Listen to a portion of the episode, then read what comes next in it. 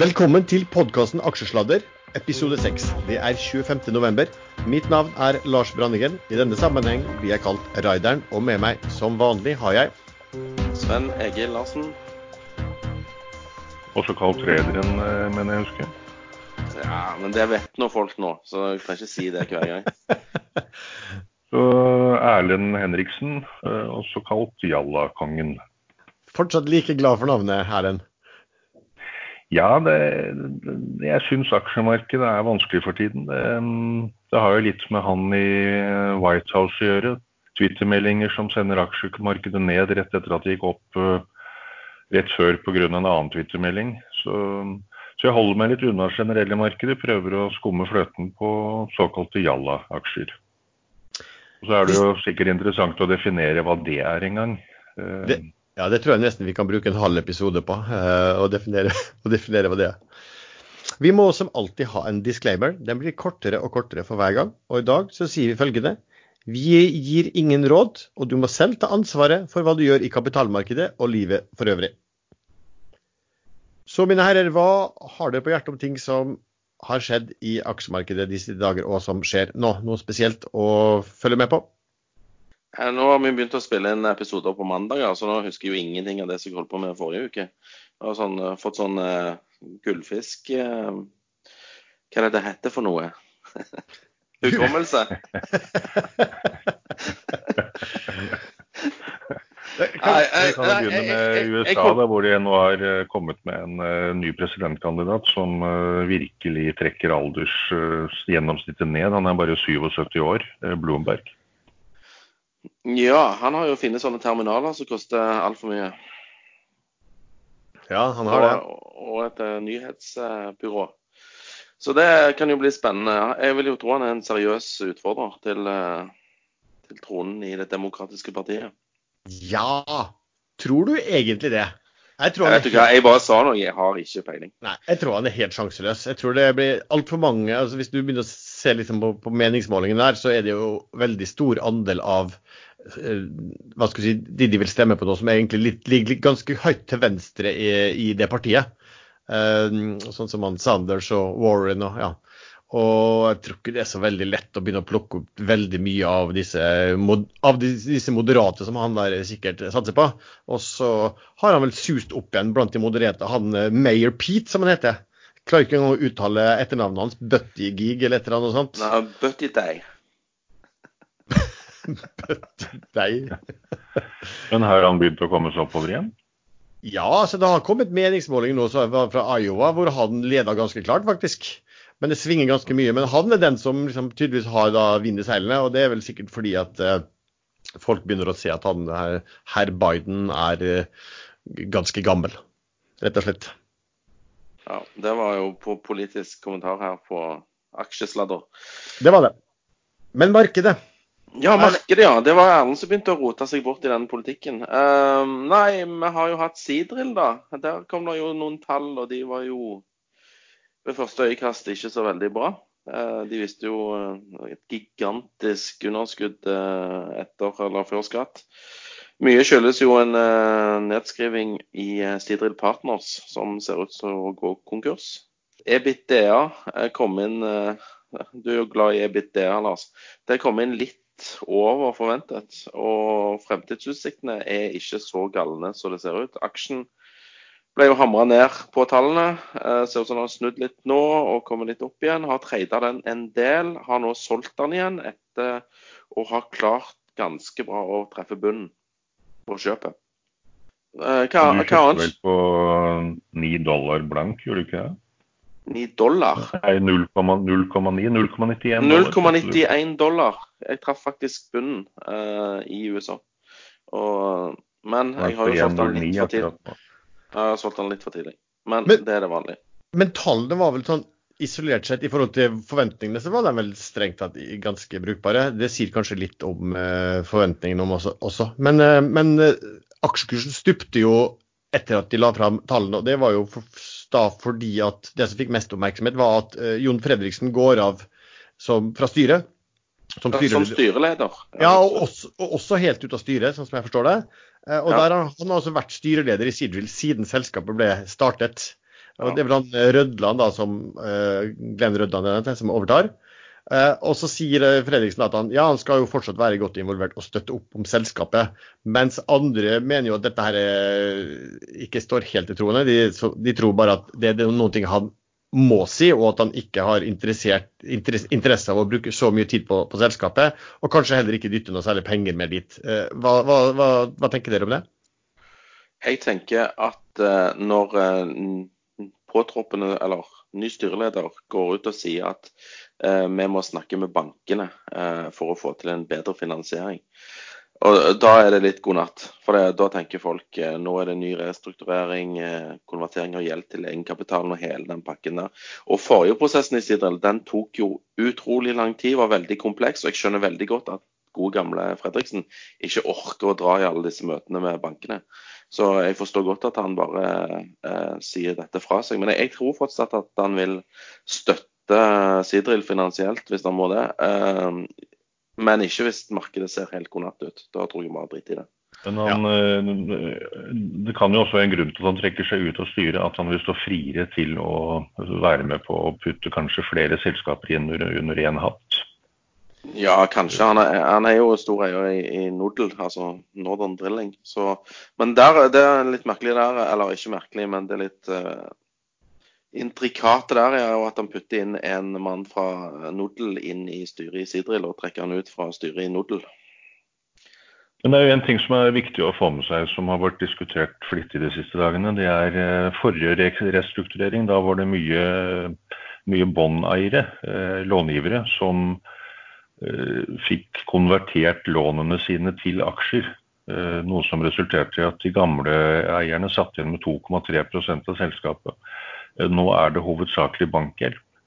Banken vil ikke konvertere gjelden til aksjer. Så hvis, hvis Sidril skulle klare å få til kun rente- og avdragsutsettelser uten å måtte hente inn mer egenkapital, eventuelt måtte hente inn mer egenkapital, så er det ikke noe direkte grunn til at det må skje på én krone eller to øre. Det kan også skje fra en eh, kurs som har steget en del, eh, når markedet skjønner at det ikke blir en total utvanning som forrige gang. Ja, Lars, du har vel gjerne sett litt på analysene som kom i etterkant av tallene. og Der er jo kursmålene litt uh, forskjellige? Det er jo helt Folk syns jo det her er veldig merkelig. fordi at Nordea opprettholdt jo kurs 121, og kursen sto da på 9. Eh, ABG kuttet sin fra 150 til 10 kroner. Eh, som noen syns kanskje var litt rart, da, på, for at tallene var bedre enn forventet. Kepler kutta til 30. Så da er spørsmålet liksom, hvorfor er det så enorme sprik? Eh, og svaret på det er jo den enorme giringen. Altså, når man da har, Jeg, jeg så litt på, på, disse tallene, jeg kan ta litt etterpå, men, men det er sånn at netto rentebærende gjeld, eller en slags enterprise value, den er 55 ganger høyere enn markedsverdi på selskapet. Da skal man jo bare endre eh, altså Endrer man helt marginalt på eh, forventet totalavkastning på eiendelene, så kan jo den markedsverdien på aksjene, eller den estimerte fair value på aksjekursen, gå helt veggimellom, selvfølgelig. Det gjenspeiler kanskje litt at kursen har Etter restruktureringen i juni i fjor, var det vel, så startet aksjen på 150 ca. kroner gikk opp til 221 kroner og var nede i 8,65 på det aller laveste. Og det er 96% kursfall. Og hvis det blir en restrukturering kun, som kun innebærer utsettelse av renter og avdrag, så er det ikke noen direkte grunn til at aksjen skal ligge på 10 kroner istedenfor 221 kroner. Jo. Altså, I min oppfatning så er CJL teknisk konkurs. Altså dette er en, en, si, det er en opsjon, og det er en uh, ganske langt out of the money-opsjon, uh, men med enorm giring. Jeg, jeg, så bare litt på tallene. Altså Sigil, markedsverdien på aksjene på børsene, de priser til ca. 100 millioner dollar. Og de har ca. Hvis jeg, jeg, så på meglerhusene, så jeg stoler på at de har det riktige, de har ca. 5,5 milliarder dollar i netto rentebærende gjeld. Hvis du ser da hva de har eh, estimerte EBITDA, altså resultatene eh, før avskrivninger og finans og skatt, eh, eh, i, i, andre halvår i år, og så, og så, gjør du det om til årsbasis, så si at de ligger sånn ca. på 250 millioner dollar da, i en EBITDA. Og, og, jeg ser at de har ikke guida, altså Meglerhus snakker noe estimat på noe særlig mer enn det, eh, noe høyere enn det for neste år. Så du kan si at 5,5 milliarder dollar i gjeld og 250 millioner dollar i EBITDA i år og kanskje neste år. Det gjør jo at selskapet eh, ikke er i stand til å betjene renter og avdrag. Og, det, og det er jo her altså Selskapet også har jo en avtale da, på at de, de kan forskyve eh, rentebetaling og avdrag til eh, andre kvartal eh, 2021. Stemmer. Men da er det spørsmål om hva kan et sånt selskap egentlig tåle av renter eh, i forhold til sin eh, Altså eh, i forhold til gjeld, da. Rentebærende gjeld i forhold til sin inntjening. Og det, og det, er jo ikke noe sånn spesielt. Jeg så et notat fra, fra meglerhus som sa det at hvis det var tigangeren eh, EBITDA, så ble ikke investeringer gjort. Altså en evig EBITDA på, på, på ti. Da gjorde man ikke de investeringene. De skrev da at de syntes et greit nøkkeltall kunne være femgangeren.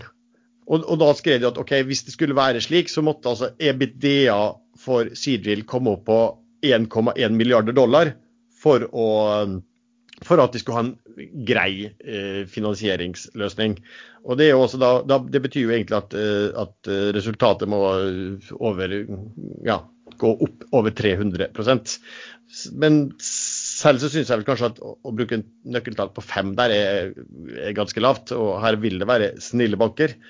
Men hele spillet her er jo, at, er jo et håp om at, rent, altså at, at ratene skal stige ganske betraktelig og da fort en 60-70 eh, eh, de nærmeste halvannet året til selskapet absolutt må betale.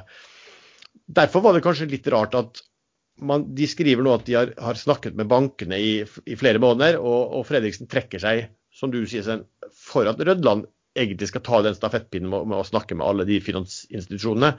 For hvorfor må de egentlig gjøre det nå? Nei, hvorfor må de gjøre det nå? Eh, det kan jo være fordi at alle konkurrentene har samme problem. Ja, at det er kanskje lurt å være litt tidlig ute og, ja. og sette en standard.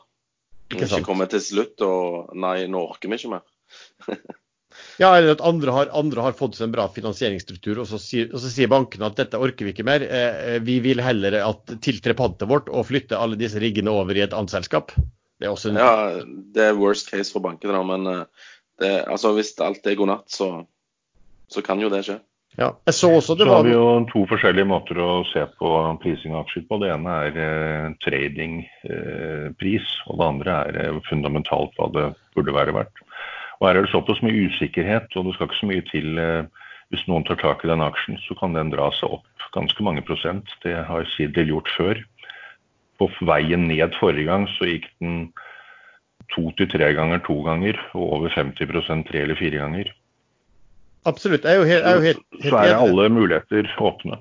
Ja, det, det, er en, sant, det, er jo en, opsjon. og det er jo Megleranslagene på verdien av de riggene tilsier jo også at selskapet har negativ eh, egenkapital. Det tror jeg er nesten liksom åpenbart for, for, alle per i dag. Med, I hvert fall med den inntjeningen, eller mangel på inntjeningen. Men det er en opsjon. Og en opsjon skal jo ha en pris. Eh, du skal jo prise muligheten for at disse ratene faktisk vil stige i den framover, og at du da har så fantastisk giring at eh, det vil gi eh, ganske enorme utslag på, på egenkapitalen og, og, aksjekursen. Så ja, er trading. Eh, altså Sannsyn for min del tilsier jo at det kommer en ny rekapitalisering, og at da vil verdiene for aksjonærene være betydelig mindre enn i dag. Men det finnes jo også en lavere sannsynlighet for at det andre ikke skal skje. Og av og til så, så, så Hvis man skal vurdere om man skal investere i noe sånt, så må man liksom nærmest sette seg selv ned. Og så må man eh, vurdere ulike sannsynligheter og, og vekte de. Altså, kan, hvis, du har, hvis, du tenker som en portefølje at du investerer i mange ting, så kan du, det kan godt gi mening å investere i noen ting som du tror med 60% sannsynlighet skal gå konkurs. Hvis du tror at det er 40% sannsynligheten for at den går eh, tregangeren eller firegangeren. Ja. Nedsiden er kun 100 eh, Oppsiden er jo uendelig. Mm. Men, men, ikke tenk på det. Jeg tror, vel ikke, jeg tror vel ikke så veldig mye fond som er inni den, eh, den aksjen. her. Jeg så også, det var, jeg lurer på om Pareto Sparebanken de har vel ingen anbefaling på den. De kaller vel nærmest litt sånn for uinvesterbar fordi at de, de, Og det er også fordi at de sier at det her er en, en, en eh, ren opsjon, og vil sikkert være forsiktige med hvem, hvem, hva de anbefaler ut til, til alle de som, eh, som leser analysene. Ja. Men hvordan vel... tør Nordea å ha en eh, anbefaling på hva du sa, 121 kroner? Noen er staere enn andre, tror jeg. De, har, de nekter å innse at de har tatt feil. Og Da kan jeg, hele, da kan jeg heller gå ned med flagget til topp. Så jeg vet at du liker at folk er sta, Lars, men eh, det må, en plass går jo grensen. Ja da, altså, det, det, jeg bare liker, er at noen tør å snakke imot alle andre. Altså, det, det veldig, ville vært veldig komfortabelt for dem å legge seg på 20 kroner eller et eller annet sånt. Hvis de mener at dette riggmarkedet skal komme så sterkt tilbake at dette, være, at dette, er en riktig pris, så syns jeg det er helt greit at de skriver det. Litt uforståelig tidlig, fordi at det har jo vært på Siril har jo vært anbefalt fordi at det, altså, det skulle komme en god, solid gjeninnhenting i, i riggmarkedet. Det har jo ikke kommet. Det har jo kommet i atskillig tregere og, og, med lavere rater enn hva man hadde antatt tidligere. Jo, men trenden er på vei opp. Nå har det sluttet uh, rater på 230 000 i døgnet dollar, vel. Uh, de var nede i 140 000, og de, i gode gamle dager var det vel oppe i 500 600 000 dollar i døgnet. Det er riktig, men for, poenget... for hver dag som går, så, så kommer man også nærmere at andre riggeiere som har rigger i opplag, eh, må velge å skrote disse. Eh, klassingen blir for dyr. Eh, de riggene kommer aldri ut igjen. Og Det er også noe som ligger i bakgrunnen. Eh, hvis Sidril da har penger og har nyere rigger og har råd til å ta nødvendig klassing, eller, eller ikke må ta klassing så tidlig som andre, så har de et fortrinn. Ja, Kommentaren min eller var egentlig at det, det er riktig at markedet gjeninnhenter seg litt. Men problemet med en del analytikere var jo at de hadde kursmålet som lå til grunn hos dem, var jo at det skulle være mye sterkere marked nå. Eh, og når det skjer mye, mye tregere og, og, mer labert enn hva de hadde forventet, så, så, er det jo klart, da er det jo kanskje dristig å opprettholde de kursmålene. Og det er jo litt spesielt da at, at ABG eh, kutter kursmålet da fra 150 eh, til, til 10 kroner, selv om markedet da er i viss bedring. Det må nesten ha sammenheng med at de ser også at Fredriksen går ut, tro, begynner å tro mye større sannsynlighet for at det kommer en, en litt mer snarlig restrukturering enn hva man kanskje ellers hadde fryktet. Ja. Ellers så har jo riggeierne uh, Riggeierne har jo gjort det litt vanskelig for seg selv etter hvert. Altså Disse nye riggene de ble jo bare bedre og bedre og mer og mer effektive. Boretiden går ned. og altså Hele bransjen er jo blitt mye mer effektiv. Så at ja. du trenger ikke rigg så lenge lenger. Og da Ja. Uh, sånn er det med innovasjon. Det er i hvert fall uansett en, eh, en veldig typisk high risk, eh, ultra high risk, eh, ultra high reward-aksje. Man kan vel kalle den en Jala-aksje nå etter hvert? Man kan det, ja. Man kan faktisk det. Jeg har lagt merke til i aksjemarkedet så kommer det jo av og til fredagskveldmeldinger. og da, det har jo vært et, et, kjent, Vi har jo vært inne på det her også, et, et kjent eh, triks om å legge dårlige nyheter til eh, fredag eh, kveld i håp om at færrest mulig skal uh, lese det. Denne gangen var det Biotek eh, Pharmacon uh, som meldte at to styremedlemmer hadde trukket seg med umiddelbar virkning. Det ble, det har, jeg har ikke sett så mye skriverier om det, så det er mulig at de har lykkes godt med det. Ellers var det veldig spesielt de som heter Target Everyone, et, et mindre IT-selskap på Merkur, uh, som i forrige uke meldte at de måtte Altså De skulle velge et nytt, et nytt medlem inn i styret, men måtte avlyse generalforsamlingen fordi at ingen aksjonærer dukket opp på, på, til generalforsamlingen. De må igjen kalle inn til den på nytt. og uh, Vedkommende som da var foreslått som eh, styremedlem, føler seg sikkert svært velkommen inn i dette selskapet. Men nå sitter vel eh, mange av styret med store aksjeposter, så de kunne jo selvfølgelig ha stemt hvis de hadde ønsket det. Så her er det jo helt klart at de har ombestemt seg. Ja, da er det jo litt rart at de... på generalforsamlingen. Ja, men Da er det jo veldig rart at de, de skriver at de skal kalle inn på, til generalforsamlingen uh, på nytt. Eller at de ikke bare avholdt generalforsamlingen og stemte det hele ned. Mm. Men apropos sånne børsmeldinger sent på kvelden. Jeg satt og ventet. Jeg har kjøpt noen aksjer i et selskap som heter Rom Real. Driver på med noe eiendom i Romania. Uh, ikke så veldig spennende, men jeg tror de skal løse opp selskapet etter hvert. Uansett, da. Jeg, I finanskalenderen sto det at tallene skulle komme på fredag. Og jeg satt og venta og venta, kom ingenting på morgenen. Eh, og Kikket litt utover dagen. Så fikk jeg melding av en, eh, en kollega da, Hva syns du om romerealtallene? Nei, de er jo ikke kommet ennå. Jo da, de kom klokken 23.30 på torsdagskvelden. Altså, Dårlig gjort å sende ut tall da, så seint på kvelden, når folk har lagt seg.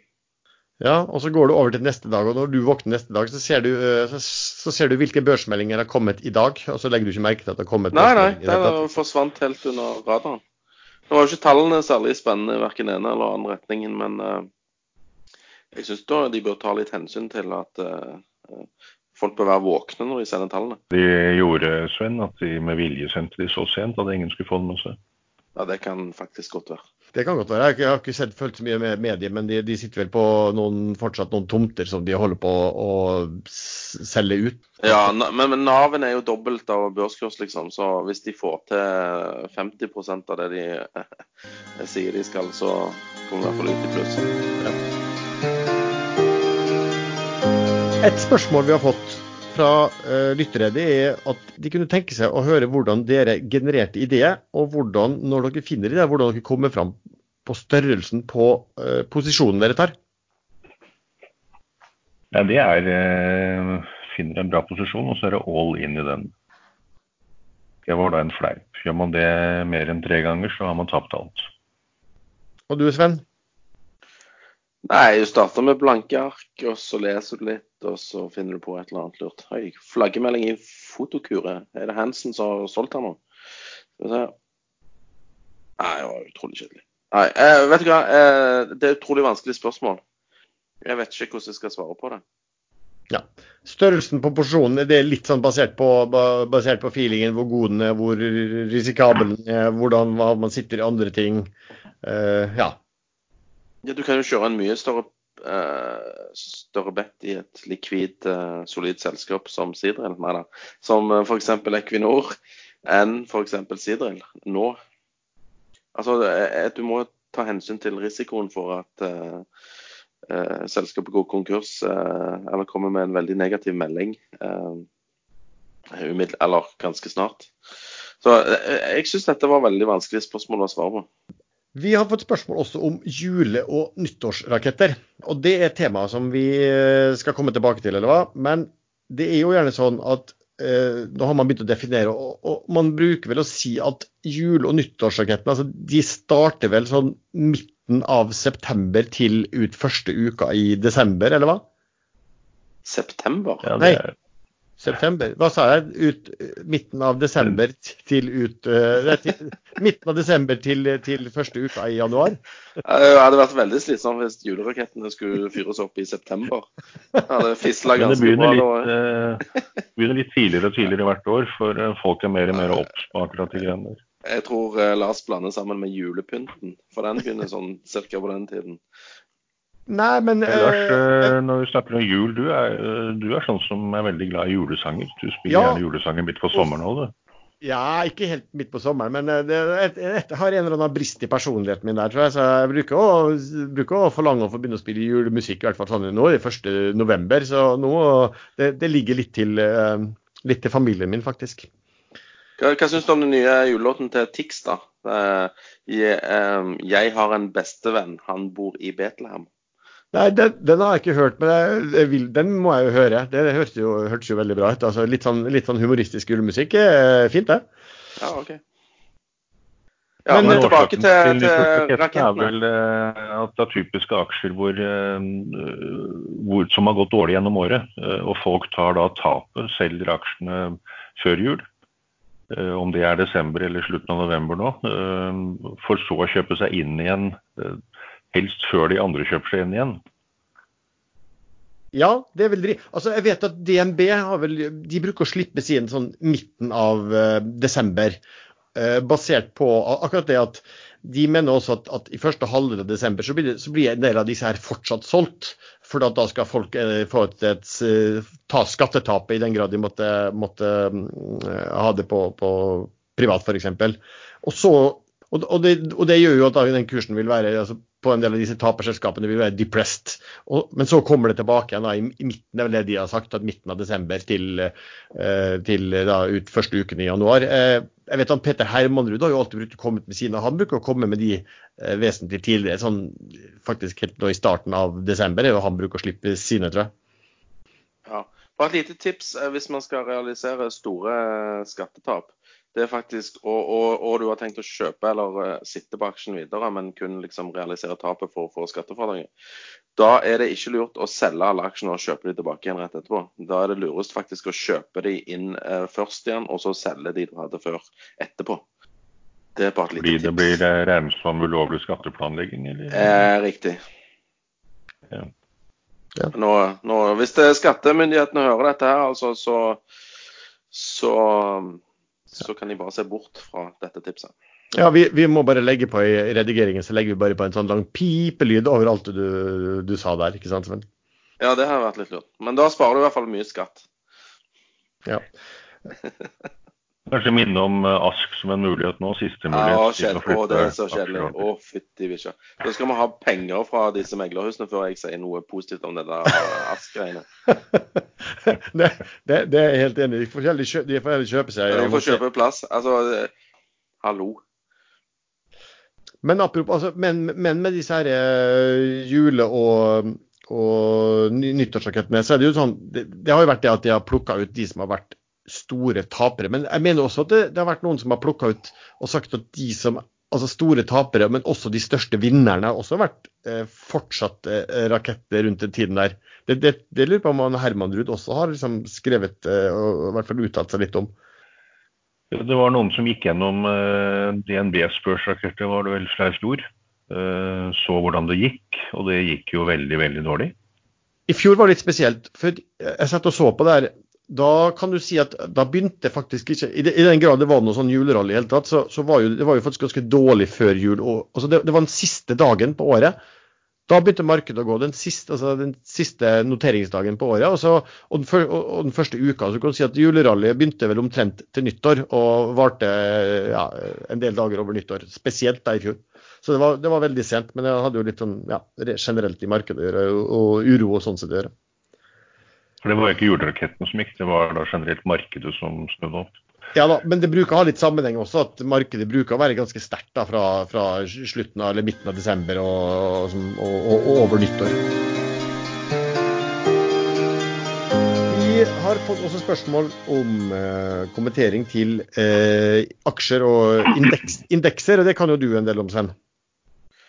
Aksjer og indekser, ja. Det, du skal ikke snakke litt om denne Sparebanken Vest eh, først? Den var jo veldig bra for de som deltok i den.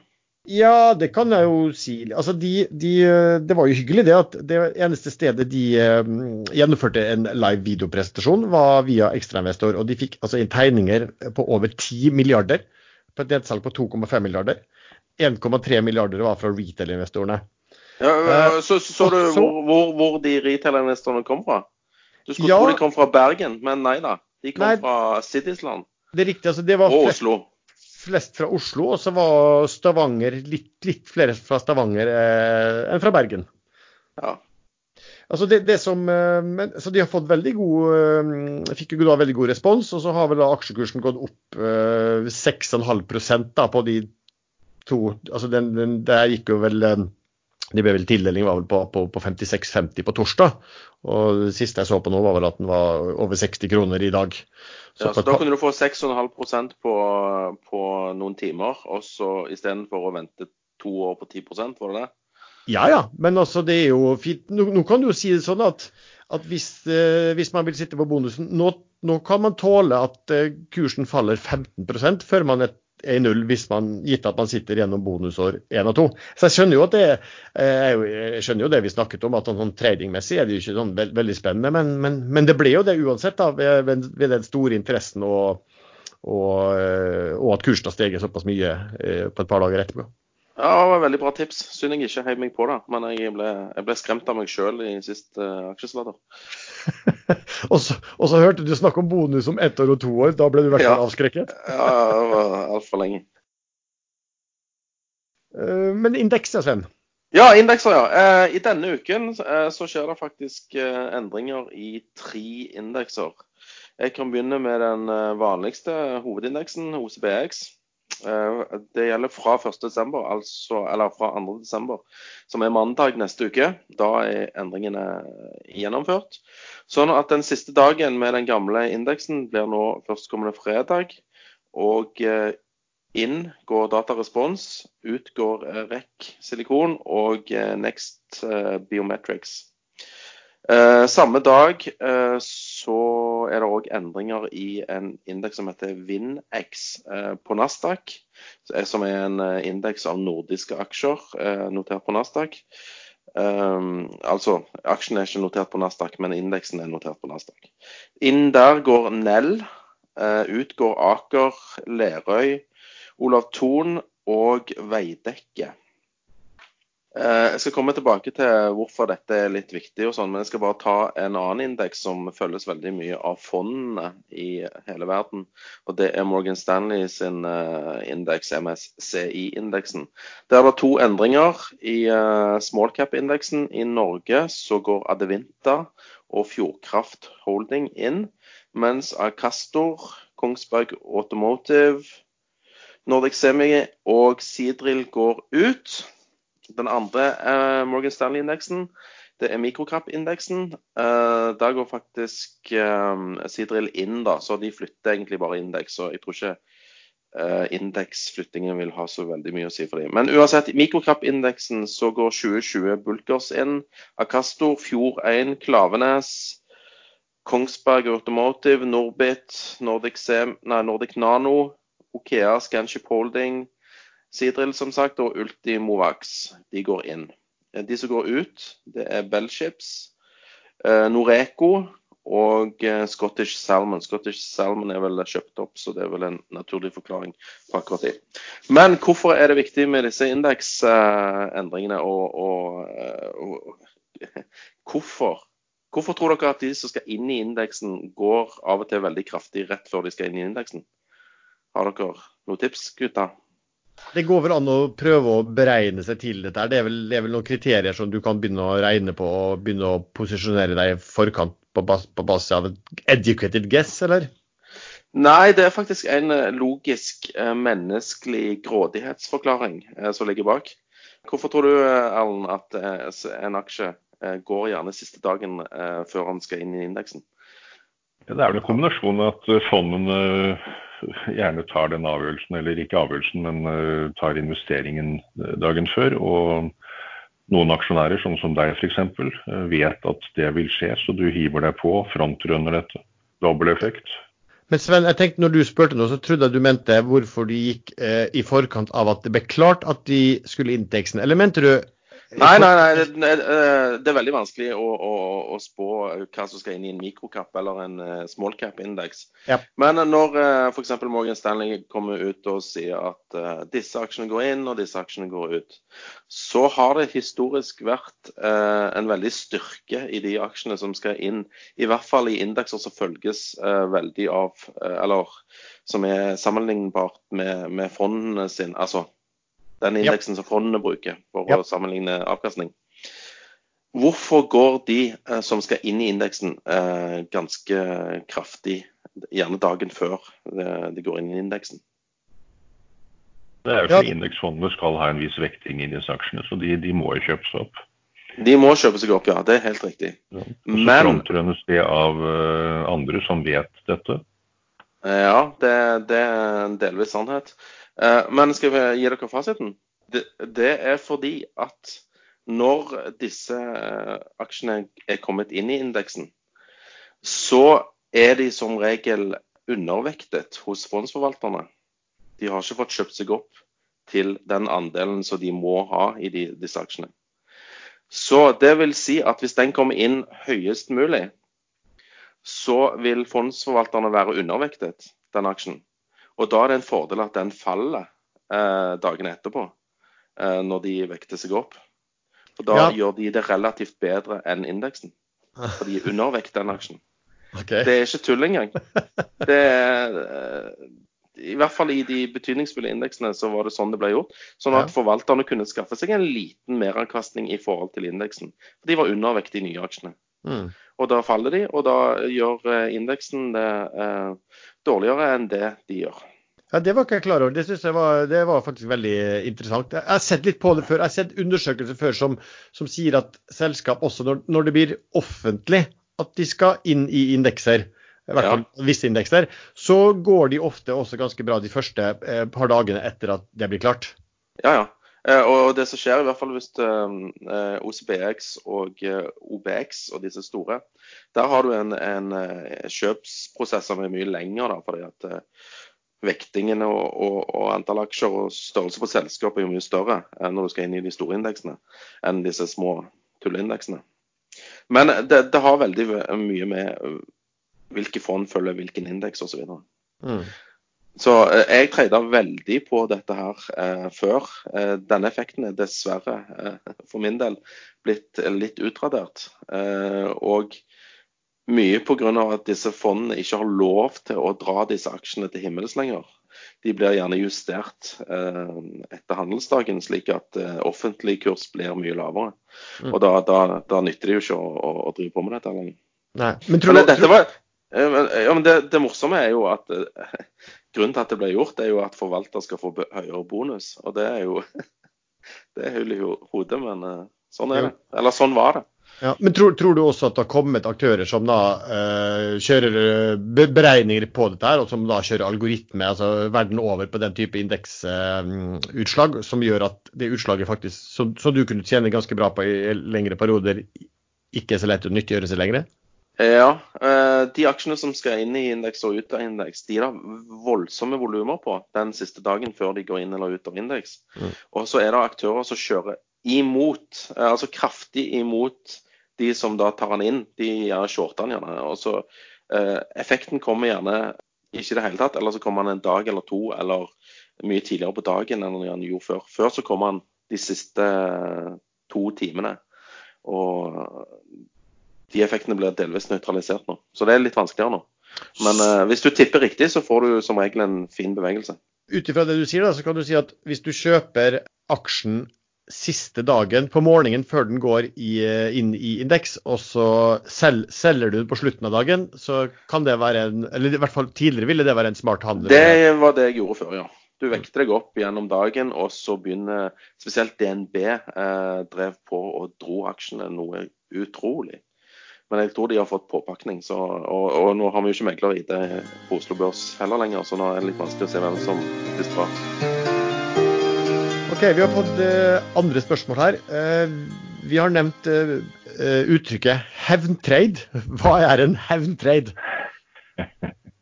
Det er når man har gått på en smell på en aksje. Og man sitter og venter og venter til man føler at nå kan det være en god inngang.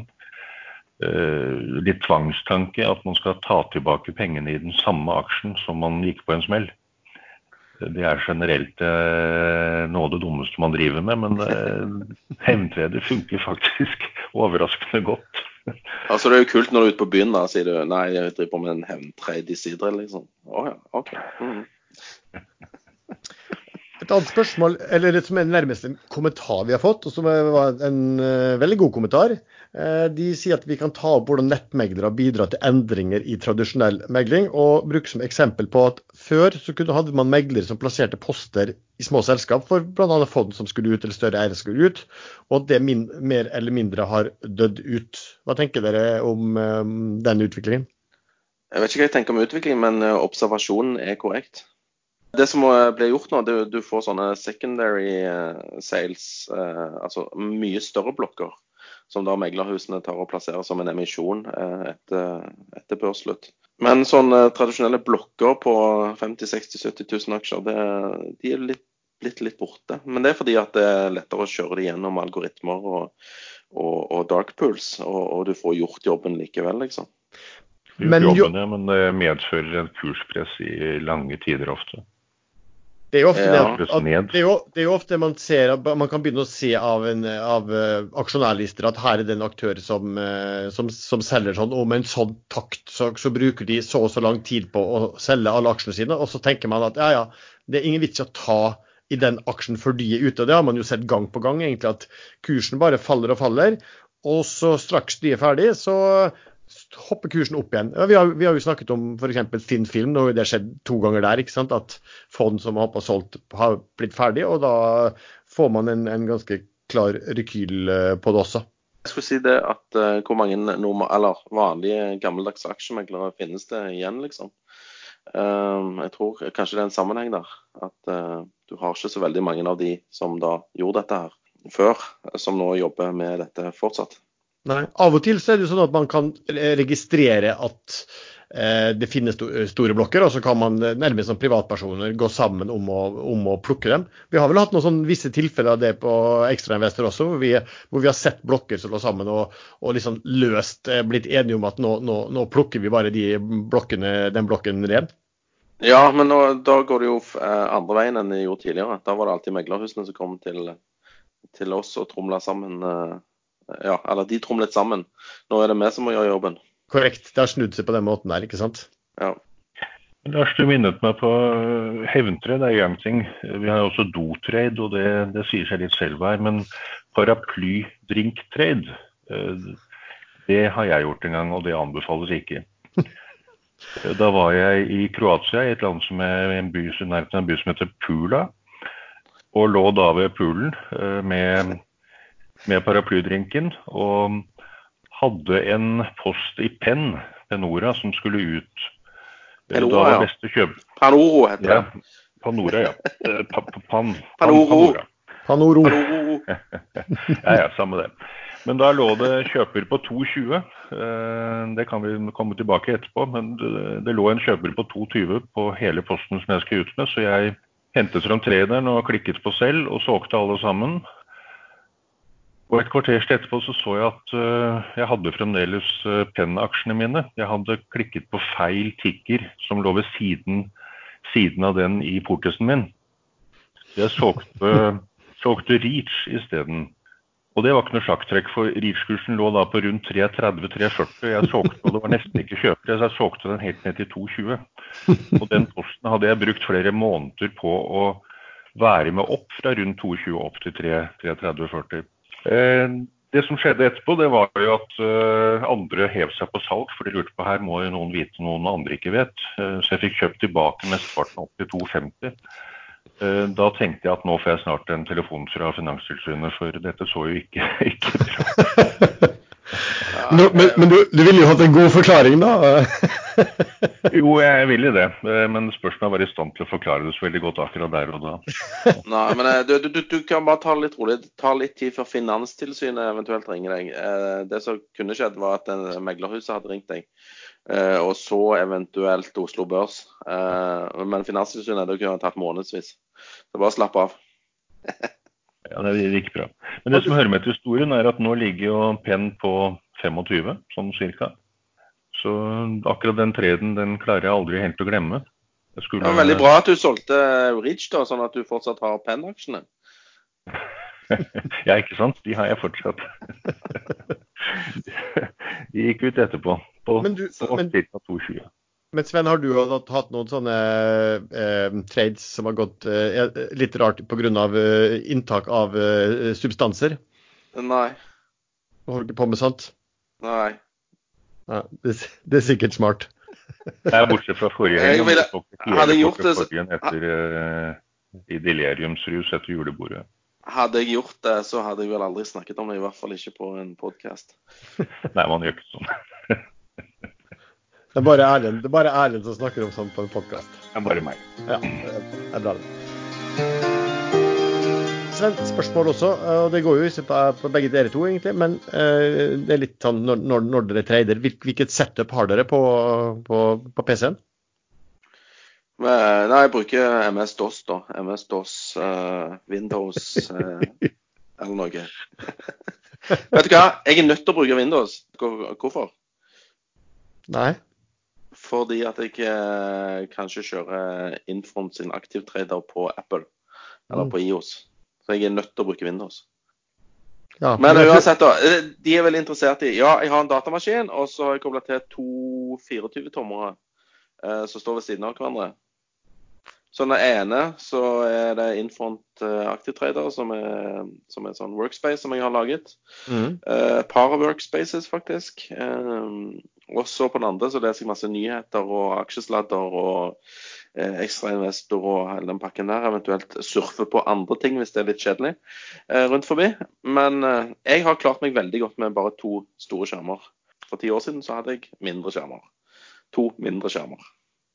Eh, jeg kjenner noen som bruker liksom et helt minikraftverk i, i, strøm på åtte skjermer og sånne ting. Jeg ser ikke helt vitsen. Jeg klarer ikke å følge med på alt dette her uansett. Eh, jeg gjør det litt enklere. Jeg har en uh, bærbar Apple 13-tommerskjerm, og der har jeg fire-fem vinduer oppe til enhver tid, og det er mer enn nok. Jeg vurderer å kutte ut et par vinduer. Men da har ikke du innfront aktivtre, da? Nei, det jeg bruker, uh, bruker Ja, For det går ikke. Det går ikke an å bruke på Apple. Nei, det gjør ikke det på Mac, så det er derfor jeg ikke bruker Infront heller. Men jeg er kommet dit at jeg vil ha minst mulig støy. Nå ligger oljeprisen oppe i et hjørne, og den vurderer jeg å fjerne. For det, det har så lite å si uh, for traden uh, om den går opp en dollar eller ned to. Uh, Altfor mange hiver seg på små bevegelser og ender ofte opp med tap. Prøv heller å ta de store bevegelsene. Vi har hatt en meningsmåling gående i en gruppe på Facebook som vi har, som heter Børsforum. Vi hadde en liten meningsmåling om hvilke temaepisoder vi kunne lage i Aksjesladder. Dvs. Si altså episoder som var dedikert til et tema. Den som fikk flest stemmer, var et tema som heter analyse, regnskap og analytikere. Fikk eh, ganske klart flest stemmer. Foran shipping, rigg, teknisk analyse crowdfunding unoterte. Andre som også fikk stemmer, var fornybar energi, biotek, lakseoppdrett, herunder landbasert, IT-selskap, seismikk, ESG, nybegynnere, Investor Relations, utbytteaksjer, makroøkonomi, cannabisaksjer, finansaksjer og om emisjoner generelt. Vi kommer helt sikkert til å lage flere episoder, og vi kommer helt sikkert til å lage den som vant, om analyse og analytikere og regnskap. Eh, vi jobber med å få interessante gjester på flere av disse. Da kan vi ta temaet som vi har hver gang, og det er ukens favoritter fra traderen og fra Jallakongen. Ukens favoritter, ja. Nå, nå, leser jeg akkurat på Dagbladet her. Uh, her selges kongekrabbe fra massa massasjestudio. var det en favoritt? den den syns jeg var fin. Og tre fengslet i krabbenettverket. Så dette er uh, bra saker. Uh, jeg, men jeg ser ikke helt synergi med, med kongekrabbe og massasjestudio. Det hørtes egentlig litt vondt ut, spør du meg. ja, uansett. Ja. Uh, folk, folk, folk, har alle, rare, alle mulige rare tilbøyeligheter, Sven, så gudene vet. Det er ikke liksom happy ending, men vil du ha litt kongekrabbe?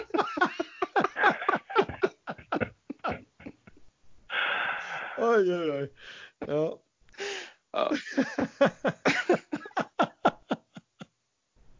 Jeg skjønner at dere, dere, dere fikk litt fantasien løpe litt løpsk her nå. Ja, jeg gjorde faktisk det. Det var, det var, ganske mye man kunne sagt akkurat nå som man absolutt bør avstå fra å si, tror jeg.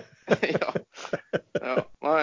Men uh, tilbake til, til, favorittene i Eller Ukas tips heter det før. Jeg vet ikke ja, hvorfor du har eh, endra tittel. Vet du hva? Det, det, var faktisk noen som sa til oss man skal være veldig forsiktig med å kalle det for tips, for da, da kan noen komme og løpe etter oss og påstå at vi har anbefalt noe. Så, men, kan, ukas overbevisning. Ja, ukas overbevisning. ikke sant. ikke sant. Et eller annet sånt. Ja. Eller ukas åpenbaring. Ja, et eller annet sånt. Kjør på. Ja. Jeg har tenkt at kanskje Noreco kommer til å gå bra denne uken. Eh, de kommer med tall på torsdag. Første kvartal som inkluderer det fantastiske oppkjøpet av Eh, to, nei, ikke Total, men Shell sine eiendeler i Danmark. Eh, jeg er veldig spent på hvordan dette regnskapet ser ut. Og hvis diverse analytikere har rett, så kommer de tallene til å bli veldig gode. Og kanskje resten av kapitalmarkedet skjønner egentlig hva Noreco har gjort for noe. Så jeg anbefaler kjøp av Noreco. Jeg ser den er opp litt allerede, til 2,35. 2,36 faktisk. Hvis tallene viser det som jeg tror at de kanskje viser, så vil den aksjen fly. Tror jeg det er vel et spørsmål også hvordan de, hvordan de regnskapsfører cashflowen fra virksomheten. Ja. bør jo bli formidabel, men så har du kanskje altså, Jeg vet ikke hvordan de avskriver av disse feltene, eller hva, de gjør der, men ja. Det har jo vært veldig, ro, veldig stille eh, på informasjonsbiten der siden eh, det oppkjøpet av disse eiendelene gikk gjennom og ble closa. Så jeg er jo veldig spent på hvordan disse tallene ser ut. Mm. Rett før sendingen fikk jeg spørsmål på privatmelding, på privatchat. Noreco sier de har 700 millioner US-dollar i tax credit i DK. Det er jo ca. 6,3 milliarder norske kroner med kurs 9 mot US-dollar. Pluss 600 millioner norske kroner mer altså Det tallet er 600 millioner norske kroner mer enn hele markedet cap på selskapet. Så han lurer på om det er noe han ikke ser som andre investorer tredere ser. Jeg vil tro svaret der er ja. ja. Så det ligger en voldsom oppside der hvis, hvis, de kan bruke hele det underskuddet, men det er jo ikke sikkert de kan.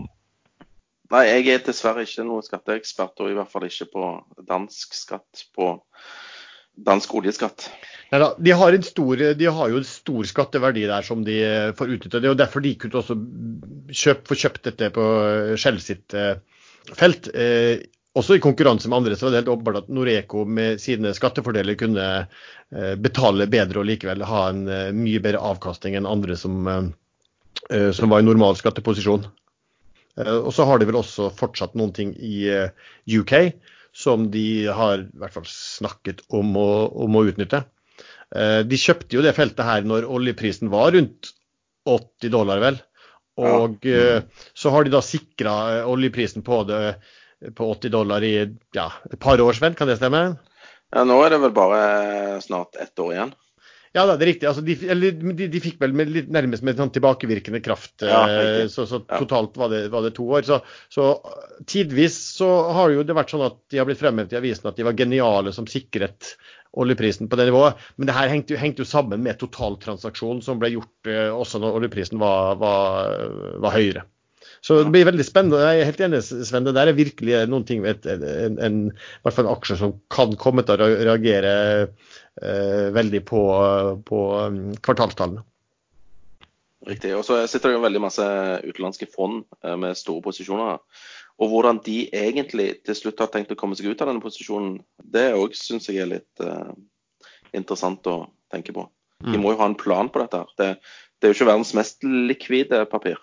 Det kan jo være at de har tenkt å prøve å få solgt selskapet, eller prøve å kjøpe seg til å, så det blir enda, enda, enda større, men der de på, det, på, så måte vannes ut. Eller de kan jo også tenke at her skal pengene ut til aksjonærene fortest mulig. Det, blir, det vil vi nok ganske raskt se nå når de, når de tallene begynner å vise seg i regnskapet.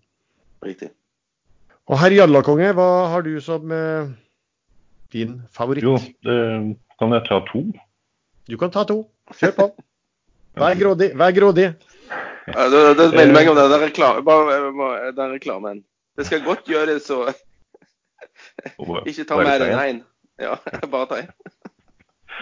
Ja, nei, Sidril, eh, Sidril er veldig veldig high risk, men vanvittig oppside hvis, hvis den snur. og det jeg tror er at markedet vil skjønne at det er ganske langt fram til eh, De har god tid på seg til de må restrukturere gjelden. Eh, men det betyr ikke at det ikke kan skje i morgen. Eh, så det er high risk. Aksjekursen kan gå mange ganger fra nå, men man risikerer klokka to på en ettermiddag å, å bli overrasket av en såkalt MH, en matching hold, hvor selskapet kommer med nyheter, og så har man brent inne med pengene sine. Eh, en veldig interessant aksje nå framover. Eh, den andre det er en aksje som jeg egentlig har mislikt fra, fra dag én. Jeg likte aldri konseptet. Det er Gaming Innovation Group.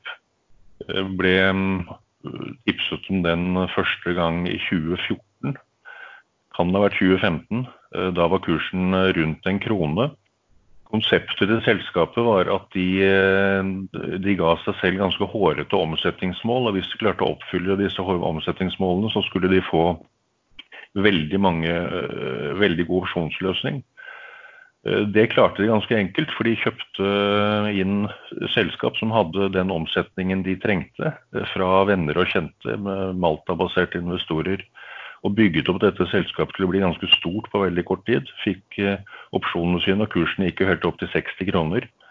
Det kan ha vært en uh, spleis inne i bildet her, eller et eller annet, det husker jeg ikke. I hvert fall en uh, voldsom kursstigning, og ledelsen solgte da disse opsjonene på toppen, men hadde sikret seg en ny opsjonsomtale som de hadde bindingstid på.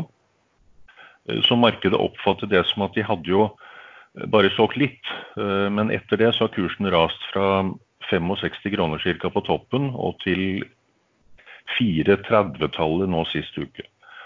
Men nå har kursen snudd opp. Nå er den på 85 akkurat nå.